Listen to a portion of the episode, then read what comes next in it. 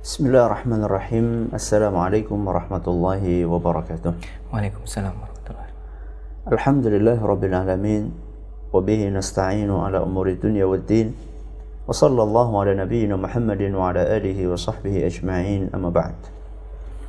Kita panjatkan puja dan puji syukur kehadirat Allah Tabaraka wa taala.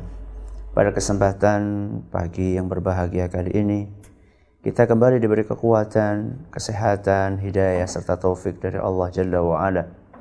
Sehingga kita bisa kembali mengkaji ajaran agama kita yang mulia ini. Kita berharap semoga Allah Tabaraka wa taala berkenan untuk melimpahkan kepada kita semuanya ilmu yang bermanfaat sehingga bisa kita amalkan sebagai bekal untuk menghadap kepada Allah Jalla wa ala. Amin ya rabbal alamin. Salawat dan salam semoga senantiasa tercurahkan kepada junjungan kita Nabi besar Muhammad sallallahu alaihi wa ala alihi wa sahbihi wasallam kepada para sahabatnya, keluarganya dan umatnya yang setia mengikuti tuntunannya hingga di akhir nanti. Para pendengar Radio Insani 88 FM di Purbalingga dan sekitarnya, para pemirsa Insan TV di mana pun Anda berada, para pendengar radio Telaga Dakwah di Biren Aceh, juga para pemirsa Yufi TV yang semoga senantiasa dirahmati oleh Allah Azza wa Jal. Setelah kita membahas tentang sifat ruku yang diajarkan oleh Nabi kita Muhammad sallallahu alaihi wasallam pada pertemuan yang lalu, maka kita akan melanjutkan pembahasan yang masih ada kaitannya dengan ruku yaitu bacaan bacaan yang disyariatkan untuk dibaca di saat seorang muslim melakukan ruku. Bahwa di dalam salat itu terdiri dari gerakan, bacaan, dan juga peresapan di dalam hati. Oleh karena itu, para ulama menjelaskan bahwa salat adalah ibadah amaliyah yang paling mulia karena solat itu di dalamnya menggabungkan antara tiga unsur pokok keimanan yaitu pertama amaliyah hati ya. kemudian yang kedua amaliyah lisan dan yang ketiga adalah amaliyah anggota tubuh yang lainnya di dalam solat semuanya mendapatkan jatahnya jadi seorang hamba ketika sholat, tiga unsur itu semua berusaha untuk dia hadirkan. Berusaha untuk dia praktekkan. Contohnya di dalam ruku ini. Ketika seorang dari berdiri kemudian turun menuju kepada ruku, dia menggerakkan anggota tubuhnya. Ya, dia menggerakkan anggota tubuhnya sebagaimana yang sudah kita jelaskan kemarin tangannya diletakkan di lutut sambil dia menggenggam dan membuka jari jemarinya. Sehingga saat itu tangannya bekerja lututnya bekerja untuk menopang kakinya juga. Lalu pundaknya dia luruskan ini semuanya adalah pekerjaannya anggota tubuh gerakan. Ya. kemudian juga Selain gerakan juga sekarang kita akan pelajari bacaannya. Ya, lisan ini ikut bekerja. Makanya dari sini kita bisa memahami kenapa kemudian para ulama mengatakan seorang itu tidak dianggap membaca kalau dia tidak menggerakkan lisan dan bibirnya. Maka kalau misalnya ada orang membaca doa atau zikir di dalam solat dia baca subhana rabbiyal azim akan tetapi dia membacanya di dalam hati. Orang Jawa mengatakan batin ya hanya di dalam hati saja. Maka yang seperti ini sebagian ulama mengatakan bisa saja sholatnya tidak sempurna. Apalagi kalau misalnya kaitannya dengan bacaan-bacaan yang bersifat rukun bisa jadi sholatnya tidak sah. Karena tidak dianggap menggerakkan lisannya, tidak dianggap membaca. Jadi di dalam ruku kita perhatikan ada gerakan, nah, kemudian ada bacaan. Ini kita nanti akan bahas insya Allah apa yang dibaca saat ruku. Kemudian ada juga peresapan di dalam hati. Dan ini nanti kita akan kaji setelah kita menjelaskan bacaannya apa, kita akan kaji maknanya. Makna-makna yang dikandung di dalam bacaan itu. Sehingga betul-betul saat itu ketika kita melakukan sholat, kita bertotalitas di dalam gerakan, di dalam bacaan, dan di dalam peresapan dengan hati. Inilah insya Allah satu langkah maju untuk menuju kesempurnaan di dalam sholat. Semoga Allah memudahkan kita untuk bisa menjalankan itu semuanya. Bacaan di dalam ruku banyak ya, yang diriwayatkan dari Nabi kita Muhammad sallallahu alaihi wa alihi wasallam. Tidak hanya satu saja uh, di hadapan kami sekurang-kurangnya ada tujuh bacaan. Sekurang-kurangnya ada tujuh bacaan yang diajarkan dalam hadis-hadis yang sahih. Baik itu di dalam sholat fardu maupun di dalam qiyamul lail, sholat sunnah, sholat tahajud di malam hari. Dan kita insya Allah akan bahas satu persatu dengan izin Allah Azza wa Jalla. Walaupun mungkin membutuhkan waktu yang agak panjang dan beberapa seri tidak mengapa. Ya dengan harapan semakin banyak kita mengetahui bacaan-bacaan yang diajarkan oleh Rasul SAW, maka peluang kita untuk mendapatkan pahala dengan meneladani Rasul SAW pun akan semakin besar. Karena banyak di antara kita di dalam sholat-sholat kita mencukupkan hanya dengan salah satu dari bacaan. Ada yang hanya subhana rabbiyal azim. Ya, selalu dari kecil sampai tua itu yang dibaca. Ada yang subhana rabbiyal azimi wa bihamdi dari kecil sampai besar itu. Ya, ada yang lain-lainnya subuhun kudus dan seterusnya. Ya, ada yang subhanakallahumma dan seterusnya. Yang paling sempurna kata para ulama adalah dari sekian banyak zikir-zikir tersebut kalau bisa semuanya pernah kita praktekkan. Ini yang lebih sempurna. Makanya Eh, para ulama kita menjelaskan bahwa zikir atau bacaan yang dibaca oleh Nabi SAW ketika ruku itu beragam. Beliau kadang membaca A, kadang membaca B, kadang membaca C, ya. Dan ini semuanya menunjukkan bahwa zikir-zikir ini seluruhnya disyariatkan untuk dibaca. Hanya saja kemudian para ulama kita menjelaskan apakah boleh Misalnya kita sudah tahu nih bacaannya satu, dua, bacaan satu, bacaan dua, bacaan tiga. Artinya Nabi kadang-kadang ketika rukuk membaca bacaan A, kadang membaca bacaan B, kadang membaca bacaan C, dan seterusnya. Apakah diperbolehkan di dalam satu rukuk? Ya, apakah diperbolehkan di dalam satu rukuk kita membaca dan menggabungkan antara bacaan A, B, C, D, dan seterusnya? Ada perbedaan pendapat di antara para ulama. Sebagian ulama membolehkan hal itu sebagaimana yang disampaikan oleh Imam Nawawi rahimahullahu taala dan juga uh, yang bisa dipahami dari perkataannya Syekh Ibnu Utsaimin rahimahullah. Akan tapi ada juga sebagian ulama yang lain seperti uh, Al-Allamah Siddiq Hasan Khan beliau mengatakan tidak disyariatkan hal itu Kenapa? Kata beliau karena belum ditemukan sebuah riwayat yang di situ disebutkan secara gamblang bahwa Nabi SAW menggabungkan antara jenis-jenis bacaan itu dalam satu ruku. Kata beliau belum ditemukan adanya riwayat tersebut.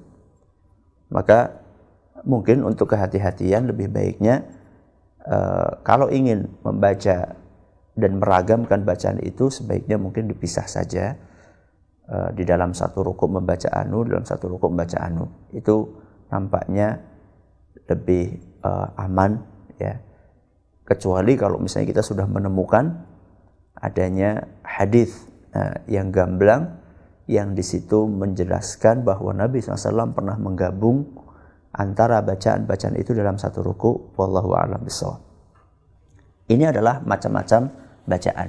Bahwa uh, ruku Nabi Wasallam memiliki atau mempraktekkan beragam bacaan saat ruku. Berikutnya adalah apa hukumnya? Apa hukumnya membaca zikir di dalam ruku?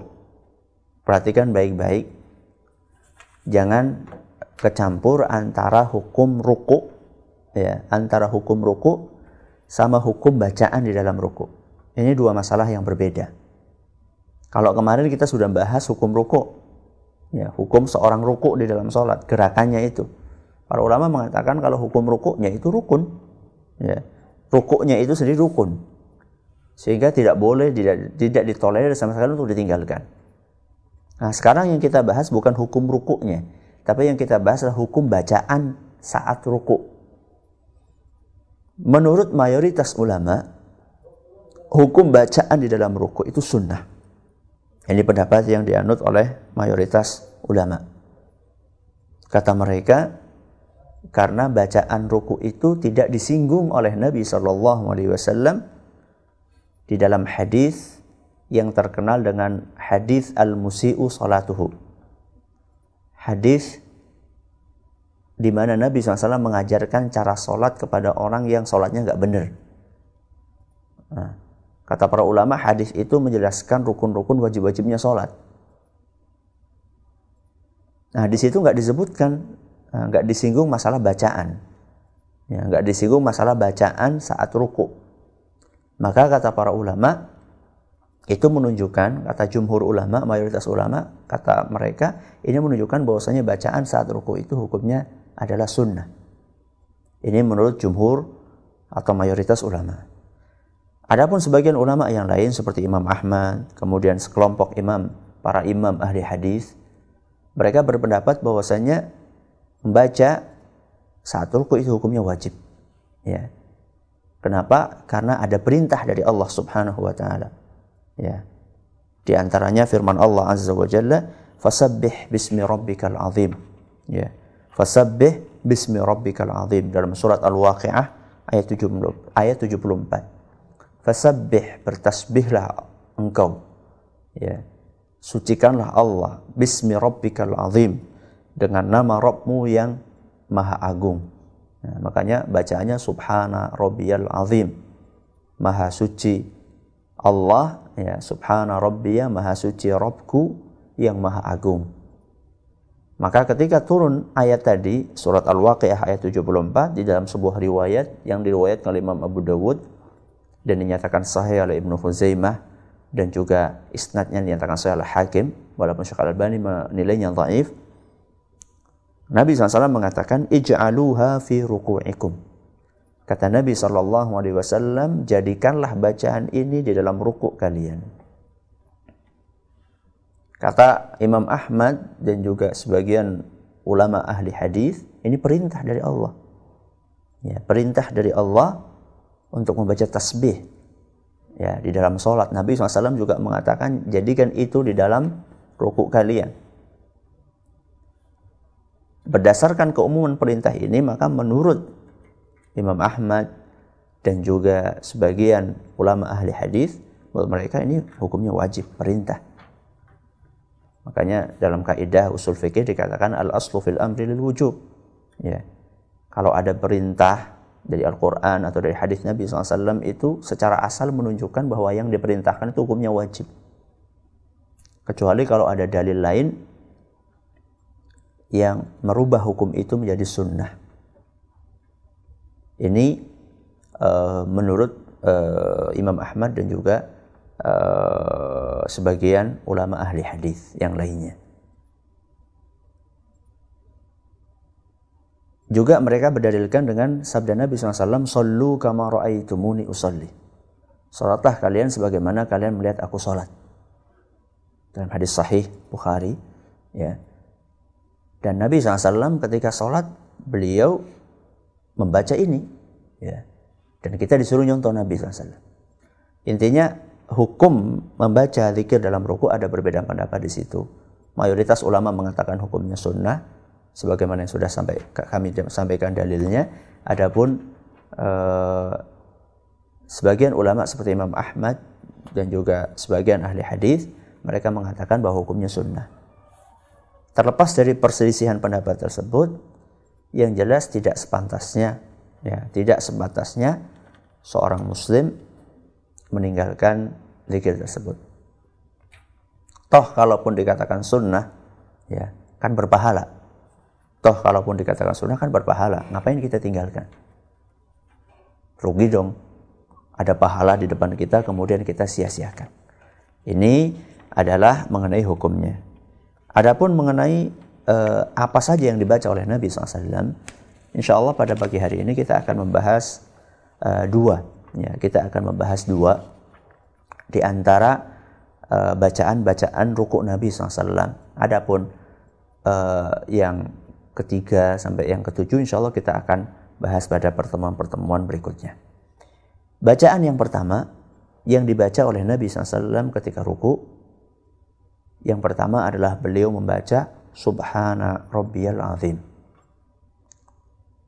Ini salah satu bacaan ruku Nabi SAW. Subhana Rabbiyal Azim.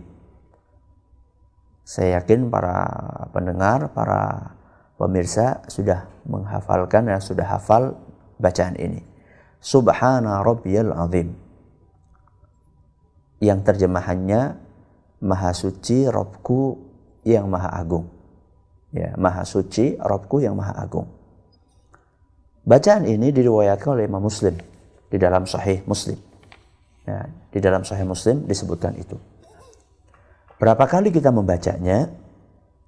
Di dalam beberapa riwayat yang uh, mungkin di beberapa jalurnya ada sanatnya yang lemah, akan tetapi dengan kumpulan riwayat-riwayat tersebut maka insya Allah minimal ya, minimal hasan atau sahih disebutkan bahwa bacaannya membaca sebanyak tiga kali.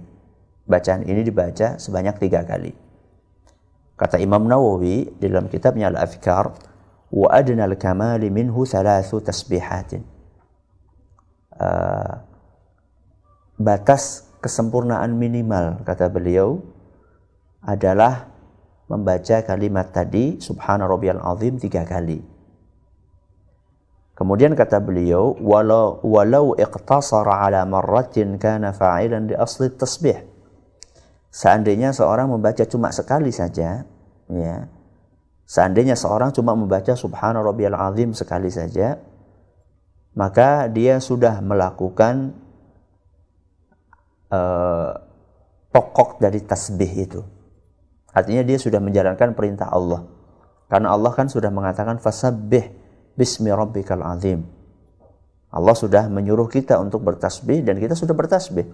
Ketika orang mengatakan subhana rabbil azim walaupun cuma sekali, dia sudah menjalankan perintah Allah, pokoknya. Allah kan pokoknya mengatakan subhasabbih bismi rabbikal azim. Bertasbihlah ya Eh, dengan mensucikan Allah yang maha agung. Kita sudah membaca subhanallah azim sekali. Berarti itu sebenarnya sudah menjalankan. Akan tetapi lebih sempurna lagi kalau kita tambahkan sampai tiga kali. Subhana rabbiyal azim, subhana rabbiyal azim, subhana rabbiyal azim. Jadi lebih sempurna dibaca tiga kali. Dalam beberapa riwayat, antaranya di dalam Sahih Muslim, dari hadis Hudzaifah ibnu Yaman disebutkan bahwa Nabi Shallallahu Alaihi Wasallam atau bisa dipahami dari hadis itu bahwa Nabi Shallallahu Alaihi Wasallam kadang-kadang beliau membaca Subhana Rabbiyal Azim itu lebih dari tiga kali. Diceritakan saat beliau sholat malam. Saat beliau sholat malam. Dari mana kita bisa menyimpulkan hal itu? Karena di dalam hadis ini diceritakan oleh Hudzaifah bahwasanya Nabi Shallallahu Alaihi Wasallam beliau pernah sholat malam panjangnya ruku beliau itu sepadan dengan panjangnya beliau berdiri. Ini kata Hudzaifah. Kata beliau, kata Hudzaifah bahwa beliau pernah Hudzaifah pernah melihat Nabi SAW menyaksikan Nabi SAW sholat malam kemudian sama beliau diukur lamanya rukuknya, panjangnya rukuk beliau, ternyata lamanya rukuk beliau itu sepadan, mirip dengan lamanya beliau berdiri.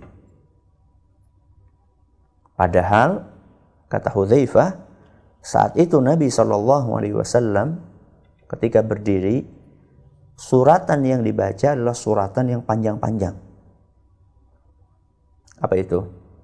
Beliau membaca di situ surat Al-Baqarah,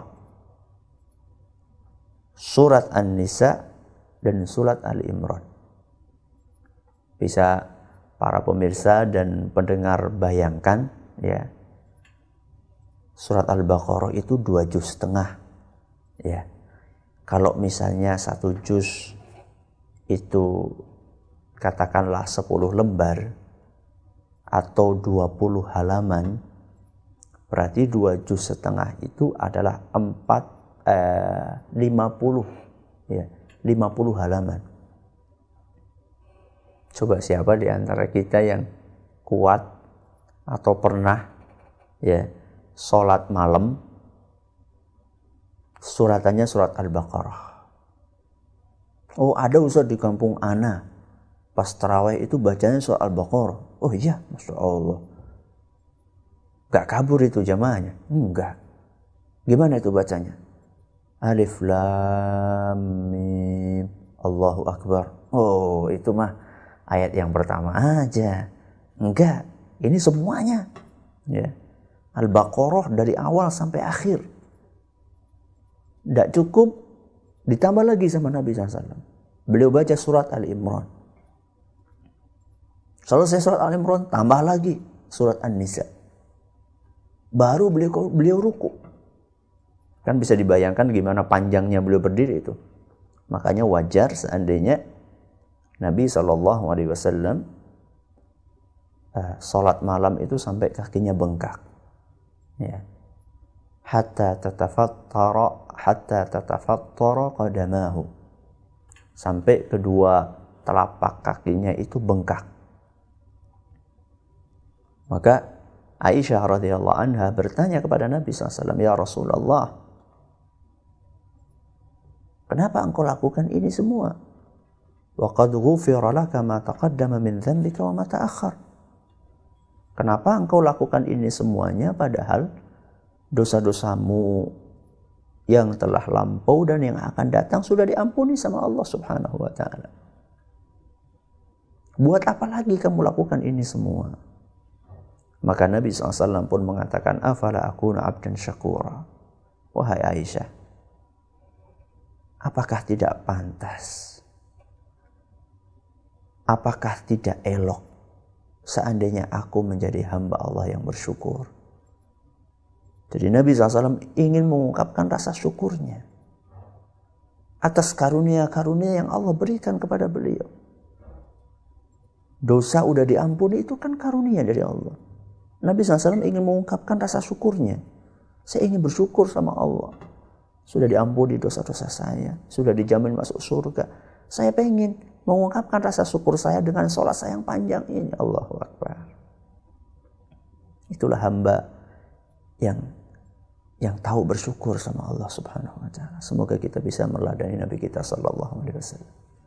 Jadi kata Hudzaifah Ibnu Yaman, Nabi SAW berdiri panjangnya itu seperti itu. Setelah diukur panjangnya berdiri Nabi SAW oleh Hudzaifah, kemudian diukur rukuknya.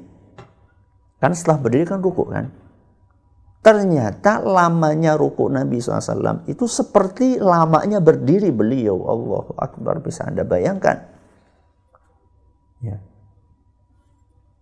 Rukuknya saja, eh, berdirinya saja sepanjang Al-Baqarah, Al-Imran, An-Nisa. Rukuknya kayak gitu juga panjangnya. Berarti kan panjang banget. Kalau kita cuma membaca dalam ruku yang sepanjang itu subhana rabbiyal azim tiga kali, habis dong. Bengong kita nanti. Karena panjang banget. Makanya dari sini kemudian sebagian ulama mereka eh, mengatakan bahwa di durasi ruku yang panjang itu kemungkinan besar Nabi SAW mengulang-ulang membaca subhana rabbiyal azim. Sampai berapa kali ya silahkan. Nah, ada orang baca surat Al-Baqarah, Ali Imran, An-Nisa. Anda duduk di samping dia, Anda baca subhana rabbiyal azim, terus Anda ulang-ulang sampai orang itu selesai membaca tiga surat panjang ini. Berapa kali? Entah berapa kali.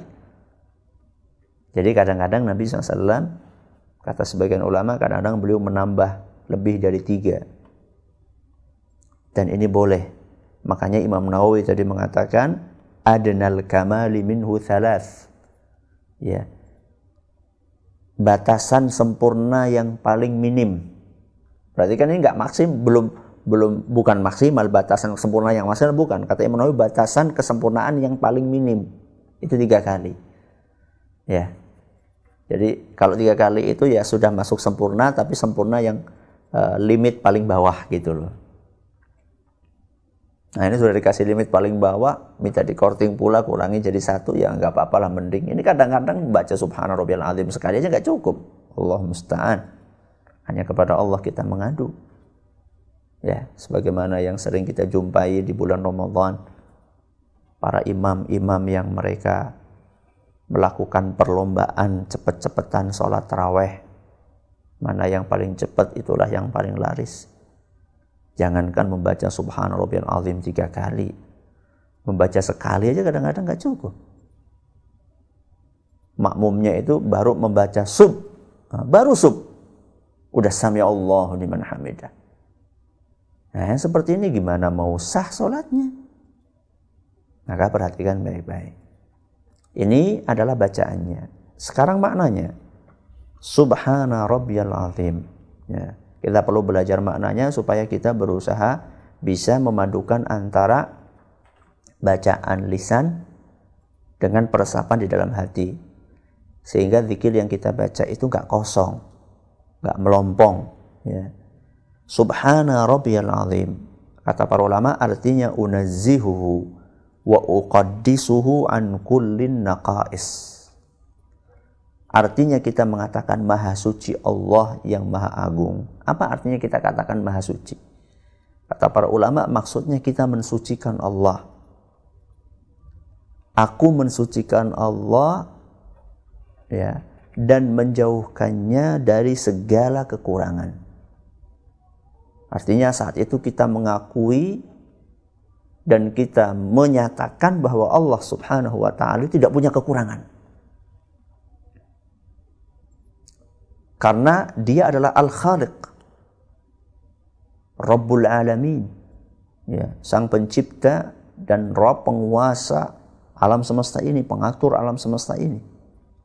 Maka tidak ada kekurangan sedikit pun yang ada di dalam diri Allah Azza wa Jalla. Maka tidak boleh terbetik di dalam benak seorang muslim bahwa Allah itu punya kekurangan. Allah maha sempurna. Ilmunya maha sempurna, pengetahuannya maha sempurna, penglihatannya maha sempurna, pendengarannya maha sempurna. Tidak ada yang kurang. Beda dengan makhluk. Hmm. Kalau makhluk, dia penuh dengan kekurangan. Dia bisa hidup ketergantungan dengan bahan makanan, dengan minuman, dengan yang memberi nyawa, dengan udara.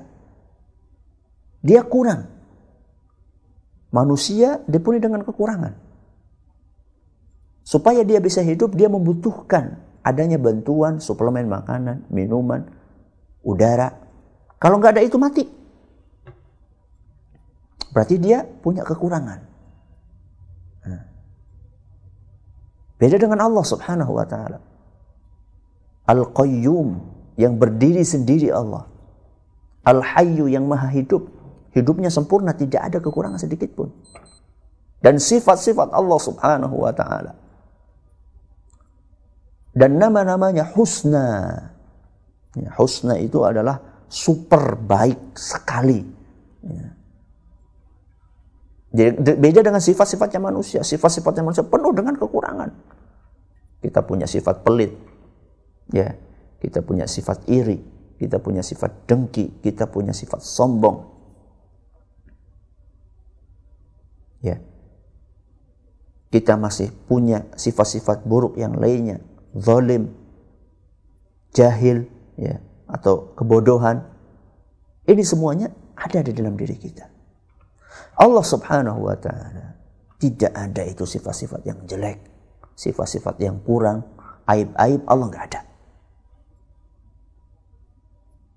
Maka ketika kita mengucapkan subhana rabbiyal azim, maka saat itu kita sedang mengakui, menyatakan, mengikrarkan kesucian Allah Subhanahu wa taala dari sifat-sifat yang jelek dan segala jenis kekurangan.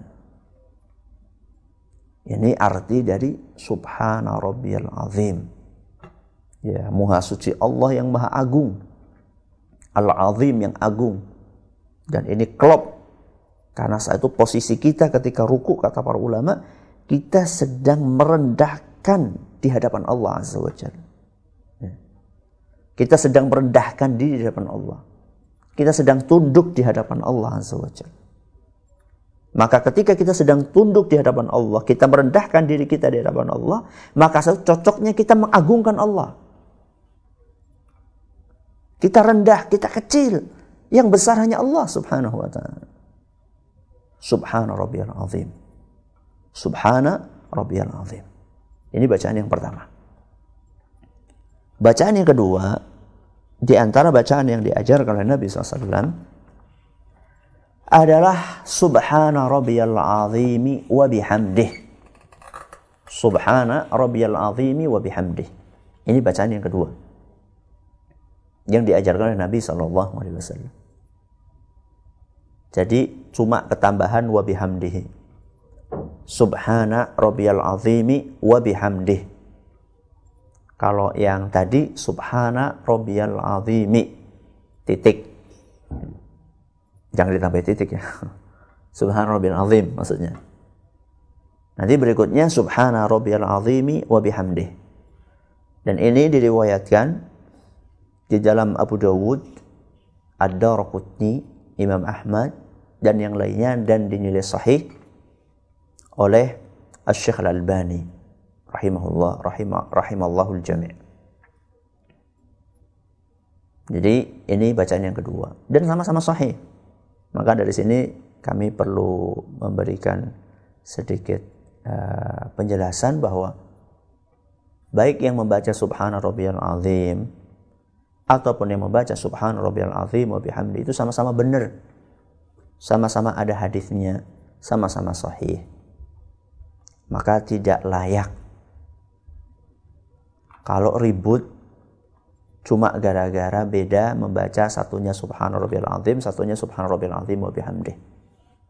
Ya. Masa ribut cuma gara-gara seperti itu saja. Padahal hadisnya insya Allah sama-sama sahih. Ya. Sama-sama bisa dipakai. Nah ini yang salah satu yang kadang-kadang membuat ukhuwah ini agak uh, terciderai dengan sesuatu yang seharusnya tidak membuat ukhuwah terciderai. Subhana rabbiyal azim wa bihamdihi. Berarti ketambahan kata wa bihamdihi. Dan tambahan kata ini bukan kosong. Ya, bukan tanpa tujuan. Tapi ketambahan kata ini adalah merupakan tambahan yang mengandung makna yang sangat dalam. Tadi kita sudah bahas subhana rabbil azim. Ya. Maha suci engkau ya Allah. Maha suci Rabbku yang maha agung. Ketambahan wa bihamdihi. Apa artinya wa bihamdihi? Artinya adalah dan segala pujian hanya untukmu ya Allah.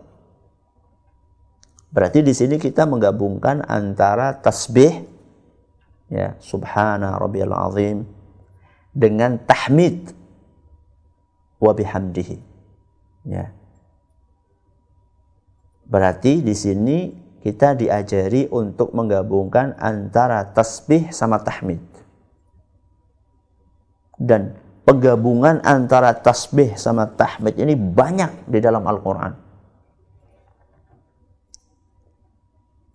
Di antaranya Allah sebutkan dalam surat Al-Baqarah ayat 30. Dan masih banyak ayat-ayat yang lainnya. Bahkan uh, minimal ya, minimal di dalam Al-Qur'an ya. itu digabungkan antara tasbih dan tahmid itu sebanyak tujuh kali minimal seperti itu ya. minimal digabungkan antara tujuh uh, antara tasbih dan tahmid dalam Al-Quran tujuh kali adapun dalam hadis-hadis Nabi SAW itu banyak sekali ya. di antaranya sabda Nabi SAW dalam hadis riwayat Muslim inna ahabbal kalami ilallah subhanallahi wa bihamdihi sesungguhnya kalimat yang paling dicintai oleh Allah adalah subhanallah wa bihamdihi Maha suci Allah dan segala pujian untuknya. Berarti digabungkan antara tasbih sama tahmid. Jemaah Al-Quran juga banyak. Di antaranya adalah firman Allah Subhanahu wa taala tadi dalam surat Al-Baqarah yang sudah saya sebutkan tadi nama suratnya dan ayatnya. Surat Al-Baqarah ayat 30. Wa idh qala rabbuka lil malaikati inni ja'ilun fil ardi khalifah. Qalu ataj'alu fiha man yufsidu fiha wa yasfiku dima' Ingatlah ketika malaikat, eh, ingatlah ketika Allah berkata kepada malaikat, aku akan menciptakan khalifah di muka bumi ini, yaitu manusia. Maka malaikat mengatakan, Ataj'alu fiha may yufsidu fiha yasfiku dima. Ya Allah, apakah engkau akan membuat makhluk yang menumpahkan darah dan merusak di dalam bumi ini? Maka malaikat mengatakan, "Wa nahnu nusabbihu bihamdika." Dan kami adalah makhluk-makhluk yang senantiasa bertasbih dengan memujimu. Kami senantiasa bertasbih dan bertahmid. Jadi di sini diceritakan digabungkan antara tasbih sama tahmid. Ya. Ada makna kata para ulama. Kenapa kok tasbih sama tahmid ini digandeng? Kata sebagian ulama minimal ada tiga makna ya yang ingin bisa kita capai di sini. Yang pertama, adalah ingin menjelaskan, menekankan tentang keagungan Allah Azza wa Ya. Ketika kita mengucapkan tahmid ya, dan kita mengucapkan tasbih, apalagi ditambah dengan subhan rabbil azim ya, tentang keagungan Allah Azza wa Makna yang pertama yang ingin dicapai adalah kita berusaha untuk lebih mengagungkan Allah lagi. Kalau kita sudah sadar tentang keagungan Allah, maka saya itu kita pun akan semakin merendah di hadapan Allah Azza wa Ya. Ini yang pertama. Jadi kita merendahkan diri di hadapan Allah Azza wa Ketika kita mengetahui gabungan antara tasbih dan tahmid itu, kita akan semakin memahami tentang keagungan Allah Azza wa sehingga kita akan semakin merendah serendah-rendahnya di hadapan Allah Azza wa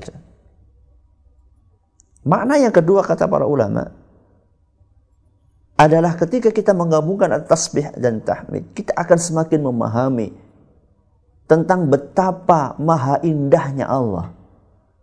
Betapa baiknya Allah. Ketika kita sadar tentang baik dan indahnya Allah, maka kecintaan kita kepada Allah akan semakin tebal.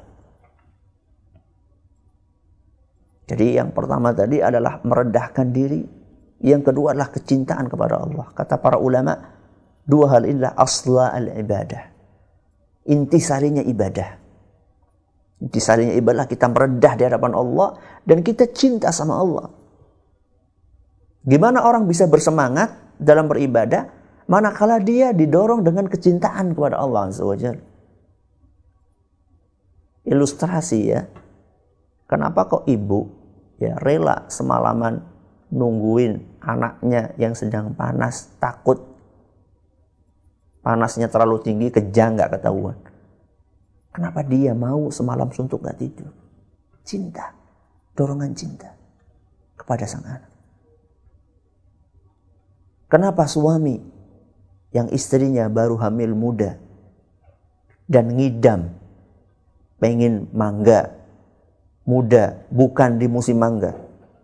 Kenapa suami mau ya keliling pasar tujuh kali nyari mangga? Cinta. Terasa ringan itu semua. Kenapa seorang pemuda mau menempuh jarak ribuan kilometer dia tinggal di Papua pergi ke Aceh atau tinggal di Jember nah, pergi ke Aceh atau sebaliknya dari Aceh pergi ke Jember Nah, ribuan kilometer untuk mencari pujaan hatinya. Cinta. Cinta itu membuat segala sesuatu menjadi ringan. Makanya jangan heran. Nabi Shallallahu Alaihi Wasallam rela untuk sholat sedemikian lamanya karena dorongan cinta. Ya. Cinta seorang hamba kepada Allah. Ini bisa dicapai ketika kita meresapi makna gabungan antara tahmid dengan tahdat, antara tahmid dengan tasbih. Maka orang ketika memahami tasbih dan tahmid ini, dia semakin merendah di hadapan Allah dan dia semakin cinta sama Allah. Dia semakin rendah karena dia paham Allah itu maha agung. Dia semakin cinta kepada Allah karena dia paham Allah itu maha baik. Maha indah. Allah itu baik sekali sama kita. Kita sering lupa sama Allah, Allah nggak pernah lupa sama kita. Kita sering lupa, nggak zikir. Kita sering terlambat sholat. Akan tetapi Allah subhanahu wa ta'ala nggak pernah lupa untuk ngasih kita nafas. Nggak pernah Allah subhanahu wa ta'ala lupa untuk ngasih kita minum. Nggak pernah Allah lupa untuk mengaktifkan ginjal kita, jantung kita, paru-paru kita darah kita, liver kita. Allah nggak pernah lupa. Padahal kita sering lupa untuk mengingat Allah Azza wa Ketika kita menyadari kebaikan Allah Subhanahu wa taala, ini kecintaan kita semakin tebal kepada Allah.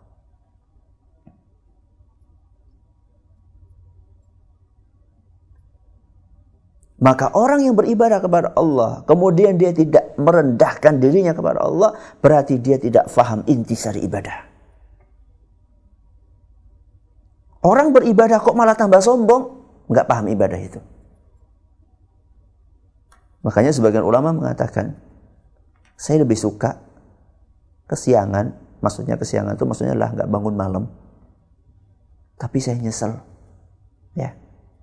Daripada saya bangun malam tapi paginya saya sombong. Oh semalam aku bangun, bangun malam nih, hebat. Nah, sebagian orang di zaman kita ini semakin banyak ngaji, semakin congkak dia. Lihat nih, anak nih hadir pengajian terus saban hari.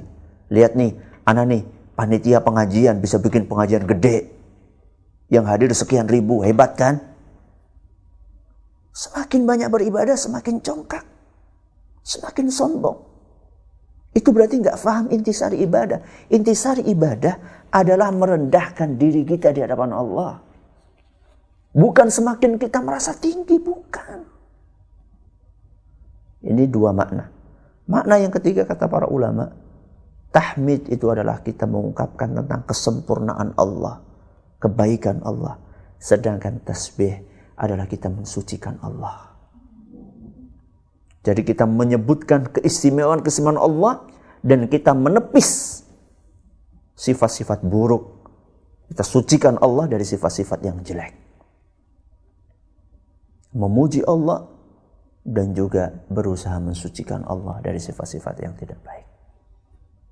Inilah di antara makna-makna yang disebutkan oleh para ulama penggabungan antara tasbih dengan tahmid. Semoga apa yang kami sampaikan bermanfaat.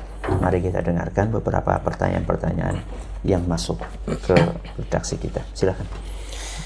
Baik, demikian kaum muslimin dan kaum muslimat segenap pendengar Radio Insani di Purbalingga dan sekitarnya Uh, pemirsa Yufi TV dan juga pemirsa Insan TV di mana pun Anda berada telah kita simak bersama materi kajian yang telah disampaikan oleh beliau Ustaz Abdul SMA terkait dengan uh, bacaan ruku beserta maknanya.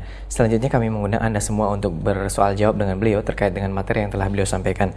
Untuk Anda segenap pendengar Radio Insani Anda dapat mengajukan pertanyaan melalui pesan singkat ataupun line telepon ke nomor 085 600 1880 dan untuk line telepon Anda bisa mengajukan pertanyaan ke nomor 0822 27278 Baik, kami bacakan pertama, uh, pertanyaan pertama yang telah masuk dari pesan singkat.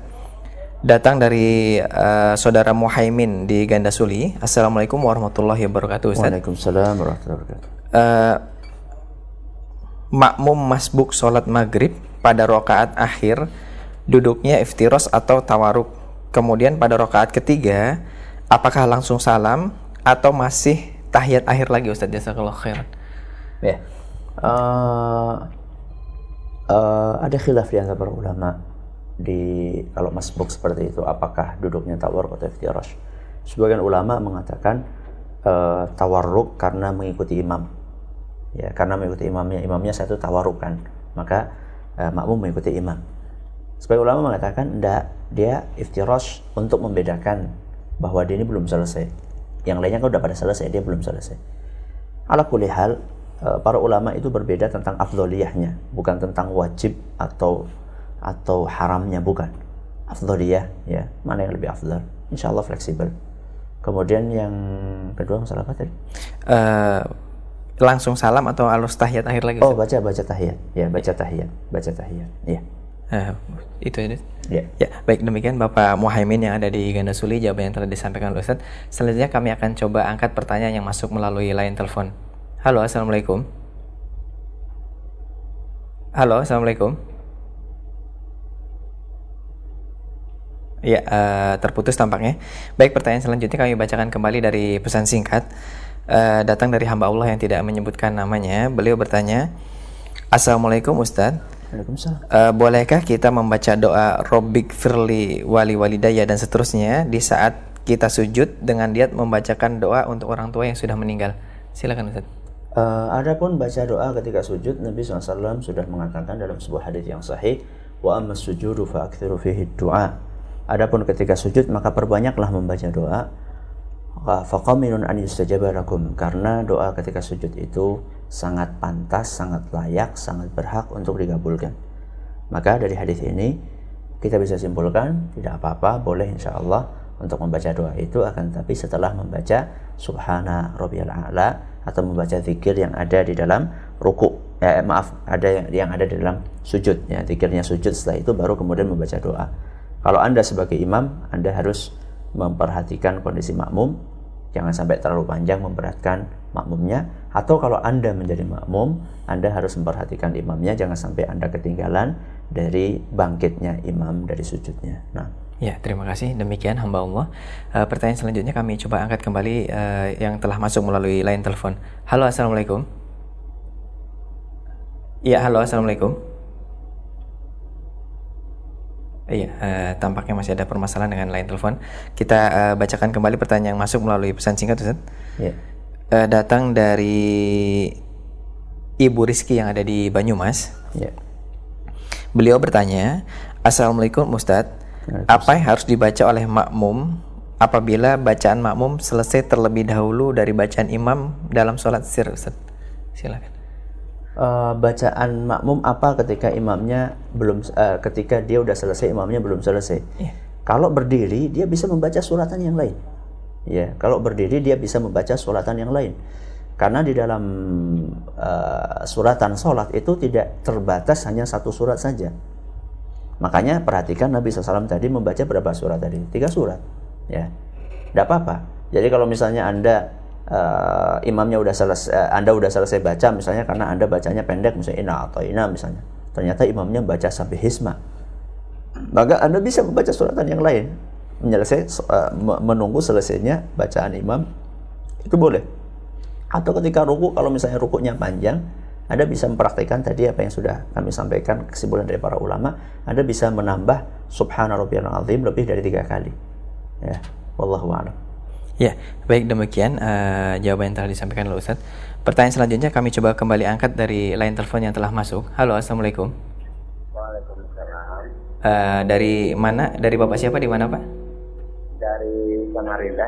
Uh, iya, dengan Bapak siapa Pak? Kalimantan Timur. Uh, iya, silakan Bapak. Dengan Abdul Haris di Samarinda, Kalimantan Timur. Iya, silakan Bapak.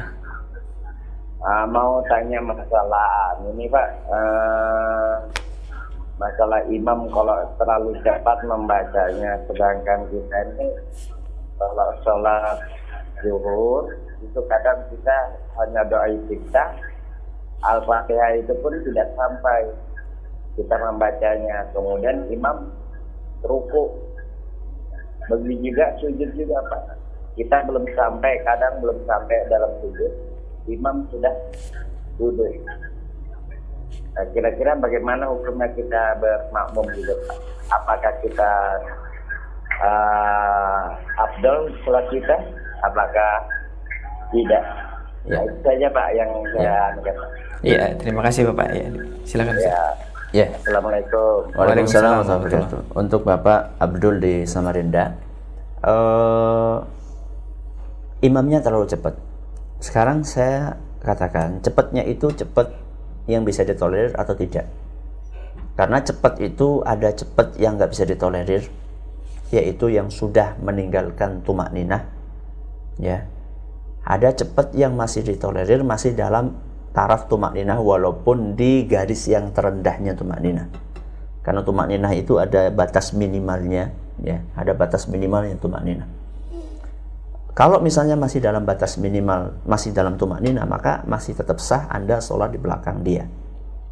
Akan tetapi kalau misalnya batas minimal tumak ninah aja enggak, ya para ulama e, mencontohkan tumak ninah itu adalah dengan baik dengan bacaan maupun dengan gerakan. Kalau gerakan tumak ninah itulah sampai posisinya itu tenang, ya ruku itu betul-betul ruku mantap, ya kata para ulama sampai tulang belulang itu kembali kepada posisinya, ya sampai grek, ya sujud juga sama seperti itu, duduk juga sama. Jadi bacaan minimal bisa membaca subhanarabbiyal azim sekali ya minimal. Nah, kalau misalnya itu nggak tercapai ya subhanarabbiyal azim sekali aja enggak, seperti yang saya katakan tadi baru membaca sub nah, belum belum sampai subhanarabbiyal azim, nah, baru sub saja udah bangkit, makmumnya ini baru baca sub belum imamnya eh, apa udah bangkit, maka saya itu berarti nggak tumak nina. Kalau nggak tumak nina, maka sholatnya sholat imamnya tidak sah, sholat makmumnya juga tidak sah. Itu kalau tidak tumak tumak nina, karena tumak nina rukun sholat. Kecuali kalau misalnya imamnya tadi masih bisa ditolerir, nggak terlalu cepat ya, cepat tapi nggak banget, masih tetap bisa tumak nina. Tapi kalau tadi saya lihat, ya, kalau tadi saya dengar dari pertanyaannya itu kayaknya cepat banget gitu loh, karena eh, anda belum sempat sujud, dia udah bangkit. Ya, berarti kan cepet banget itu. Anda belum sempat sujud gerak, dia udah bangkit. Berarti cepet banget. Kecuali kalau Anda ini maaf ya sudah lanjut usia. Nah, kadang ada orang kan kalau udah lanjut usia kan sujudnya agak lama itu. Kalau itu lain masalah. Misalnya Anda masih sehat, masih gerakannya masih sigap ya.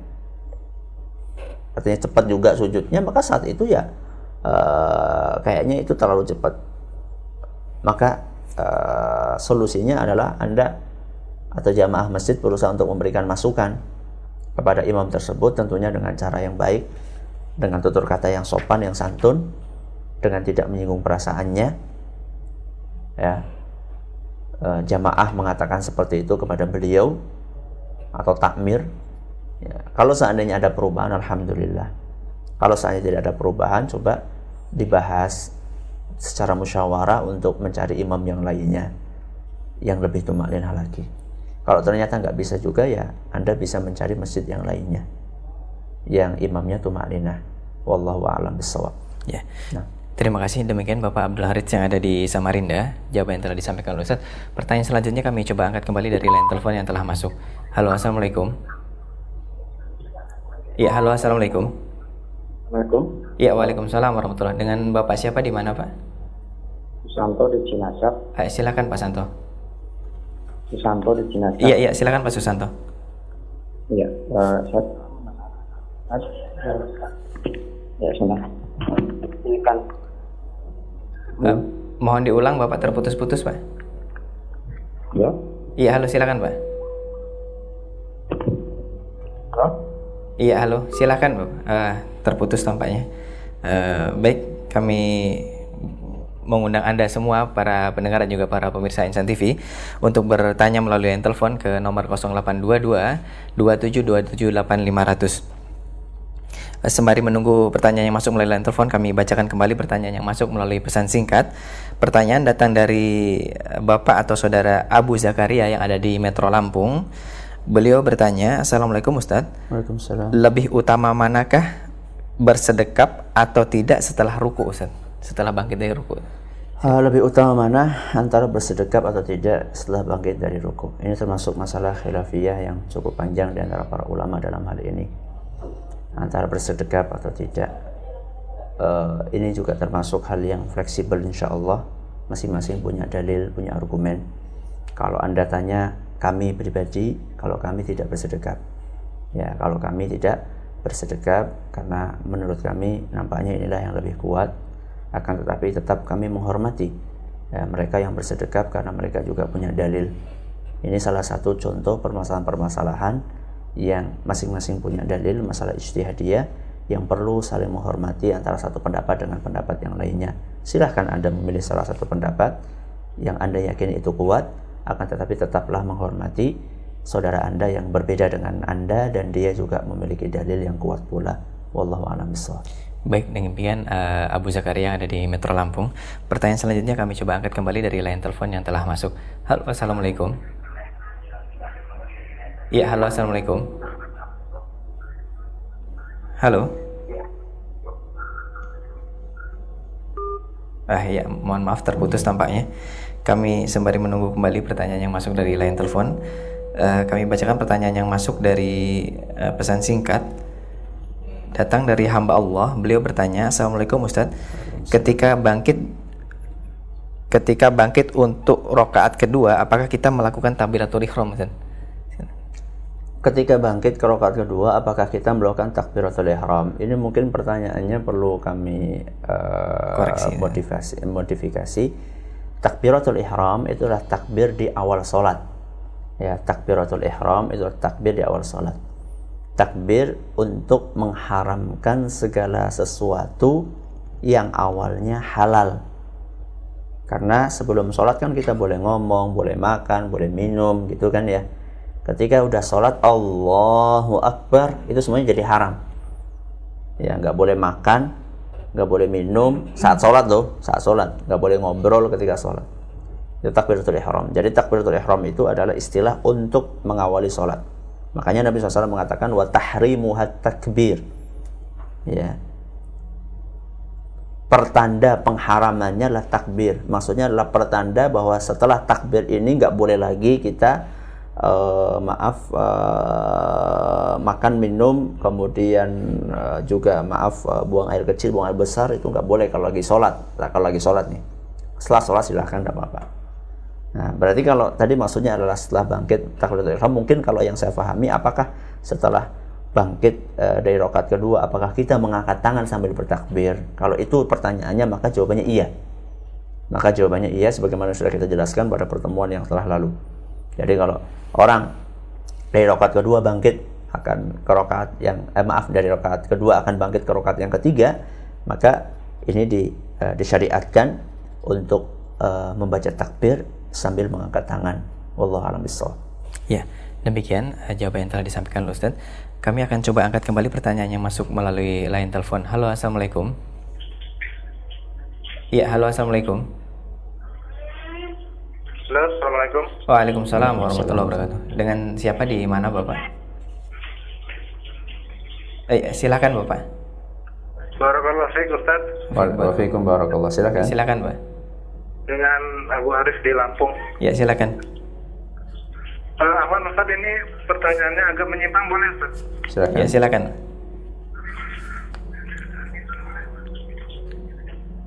Ini tentang anak ini Ustaz bahkan anak itu masih SD sekolah di SD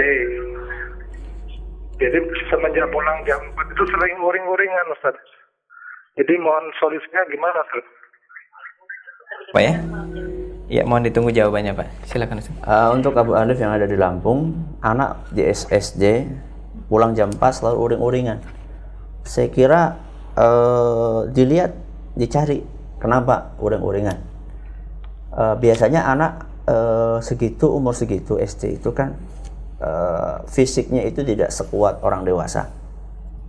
Jadi kalau misalnya dia pulangnya jam 4, kemudian dia uring-uringan karena capek, saya pikir wajar.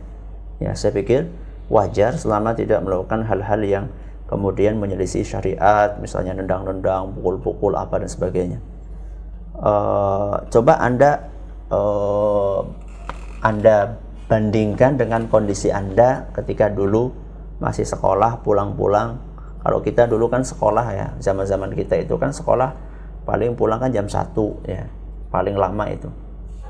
Sekarang kan ada mm, semacam full day school yang pulang jam 4 ya ketika anda pulang jam 1 itu kan sudah capek panas lapar dan sebagainya pengen istirahat. Jadi wajar kondisi seperti itu. Itu padahal dulu kita jam 1 apalagi sekarang yang pulangnya jam 4 maka di sinilah perlu kelapangan dada dari orang tuanya maka kalau misalnya anak baru pulang segitu, maka kita berusaha untuk tidak e, melakukan hal-hal yang bisa membuat dia semakin tidak enak hati gitu. Maka kalau dia pulang kita sambut ya. Kalau dia pulang kita sambut dengan apa? Dengan e, sambutan yang hangat, kita senyum sehingga dia itu merasa adem gitu.